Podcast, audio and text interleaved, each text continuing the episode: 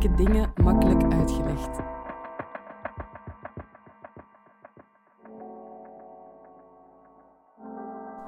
Dit is de podcast van Moeilijke Dingen Makkelijk Uitgelegd.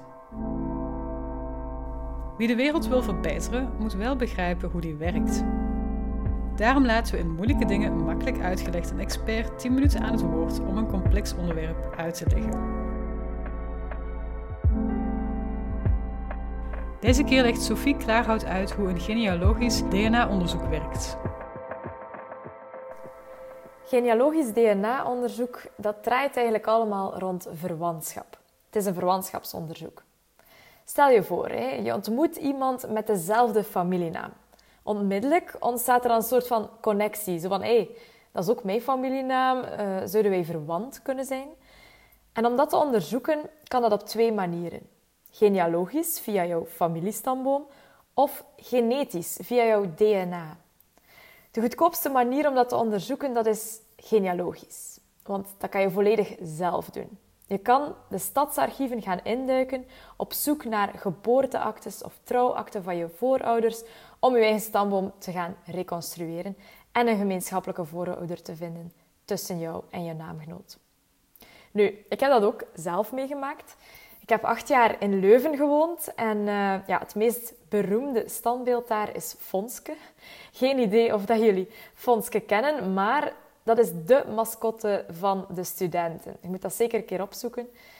En uh, ja, de beeldhouwer van Fonske, dat is Jeff Klaarhout. En ik dacht, hé, hey, Klaarhout, dat is ook mijn familienaam. Zouden wij verwant kunnen zijn? Dus ja, hop, ik de archieven ingedoken. En uh, ja, na een paar maanden zoeken had ik onze gemeenschappelijke voorvader gevonden. Dat was Petrus Klaarhout, geboren in 1550. Ja, ik natuurlijk super trots. Ja. Hey, we zijn verwant met elkaar.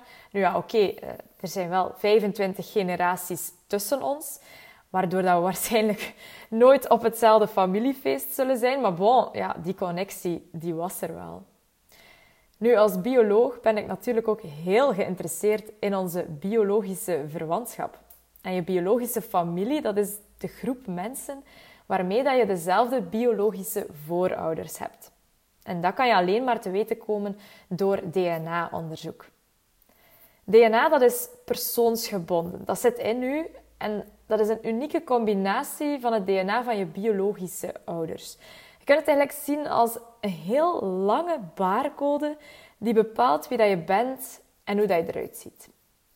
Als je je volledige DNA-code wilt lezen, dan kan dat.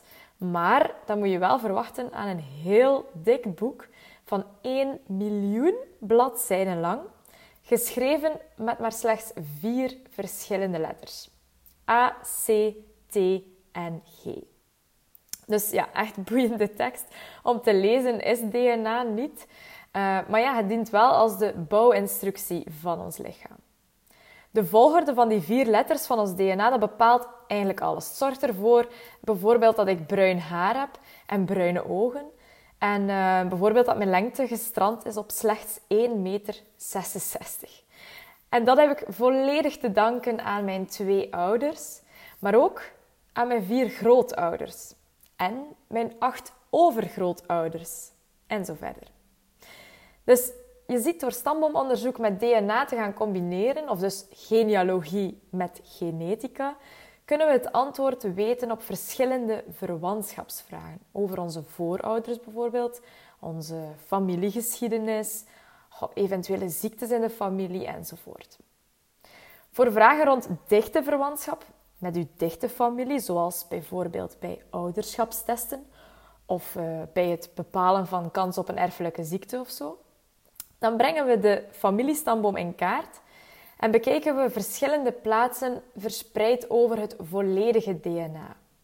Dat noemen we ook wel met een moeilijk woord autosomaal DNA-onderzoek. En van jouw autosomaal DNA krijg je dus 50% van je vader en 50% van je moeder. Elk de helft. Een generatie verder moeten we dat opnieuw delen door 2. Dus gemiddeld deel je nog maar 25% van jouw DNA met dat van je opa, je oma, meme en pepe. En met je overgrootouders, dus nog een generatie verder, we zitten nu aan drie generaties, is dat slechts 12,5%. Dus opnieuw delen door twee. Dus hoe verder dat je verwant bent met iemand, hoe minder DNA dat je gemeenschappelijk hebt met dat familielid. En hoe kleiner dat de kans ook is dat je bijvoorbeeld die erfelijke ziekte draagt. Nu, met autosomaal DNA kan ik dus niet nagaan of dat chef Klaarhout en ik verwant zijn. Want ja, er zitten maar liefst 25 generaties tussen ons.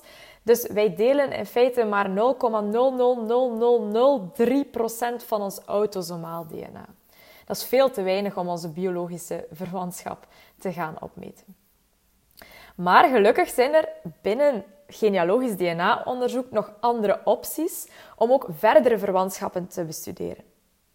In de plaats van te focussen op het volledig DNA dat we krijgen van beide ouders, kunnen we ook focussen op het DNA dat we krijgen van één ouder.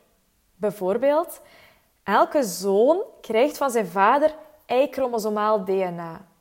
En het Y-chromosoom dat is een klein stukje mannelijk DNA dat generaties lang wordt doorgegeven van vader op zoon en vader op zoon en vader op zoon, waardoor dat we dus vaderschapslijnen kunnen gaan identificeren. En die lijnen lopen gelijk met onze familienamen, van vader op zoon. Maar goed, doorheen de generaties kunnen er wel sommige letters in het Y-chromosomaal DNA gaan veranderen of muteren. En dat is absoluut niet slecht, want op die manier kunnen we heel snel zien of twee mannen verwant zijn met elkaar of niet. En daarmee kunnen we ook inschatten hoe ver ze precies verwant zijn.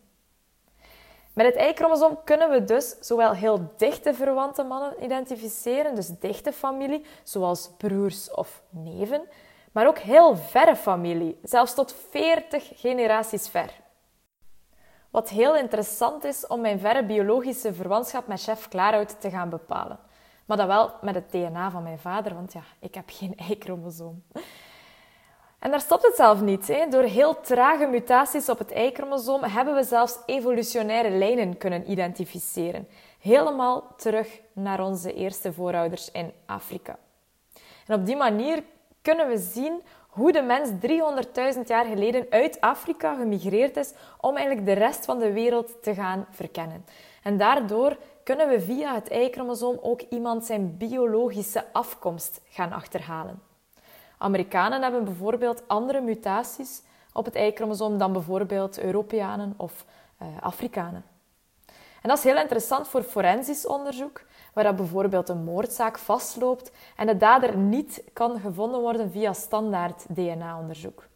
En dat was het geval bij de moord op Marianne Vaatstra in 1999. Marianne ja, was 16 jaar toen dat ze eigenlijk s'nachts plots uit het niets vermoord werd in een klein dorpje in Nederland. En heel lang werd eigenlijk gedacht dat de dader een asielzoeker was. Maar geen enkele verdachte had een 100% DNA-match met het DNA gevonden op de crime scene, waardoor dat de dader heel lang onder de radar kon blijven. Die moordzaak liep al snel vast en, werd eigenlijk geclasseerd als een cold case, een onopgeloste zaak. Maar door de opkomst van de kennis rond het Y-chromosoom 12 jaar later was het wel mogelijk om de dader zijn afkomst te gaan bepalen. En wat bleek? Het ging helemaal niet om een asielzoeker, maar de dader was iemand die uit Nederland moest komen. En zo werd er besloten om een grootschalig DNA-verwantschapsonderzoek te gaan doen, waarbij dat heel veel mannen uit de omgeving van de moord vrijwillig hun DNA hebben afgestaan en om zo via verwantschapsonderzoek dan bij de dader te komen. En zo kwam het uit dat de boer van de streek Marianne had vermoord. Dertien jaar lang heeft hij gezwegen, uh, meegezocht en zelf gelogen, maar dankzij het Y-chromosoom en verwantschapsonderzoek kon hij toch gevat worden. Dus via genealogisch DNA-onderzoek kunnen we een laatste kans creëren om een vastgelopen moordzaak toch nog op te lossen. Ja, je ziet, de combinatie van stambomen met DNA-onderzoek, dat biedt heel wat antwoorden op verschillende soorten verwantschapsvragen. Je hebt dichte verwantschappen, zoals ouderschapstesten of erfelijke ziekten. Maar ook verre verwantschappen, 40 generaties tussen. En zelfs evolutionaire verwantschappen, heel, heel verre verwantschappen. En dat is uiteraard nog veel groter uh, dan ik nu in deze 10 minuten heb kunnen meegeven. Maar Als je dit soort onderzoek interessant vindt, dan kan je mij of mag je mij altijd volgen op LinkedIn of Twitter om op de hoogte te blijven van de updates in de boeiende wereld van de genetische genealogie. Bedankt alvast voor jullie aandacht en tot de volgende. Je luisterde naar moeilijke dingen makkelijk uitgelegd. Mijn naam is Selma Fransen en dit evenement organiseerde ik samen met Curieus, de Buren en Muntpunt. Montage door Jelena Schmitz. Wil je graag reageren of een evenement bijwonen? Kijk dan op de Facebookpagina van Moeilijke Dingen Makkelijk Uitgelegd.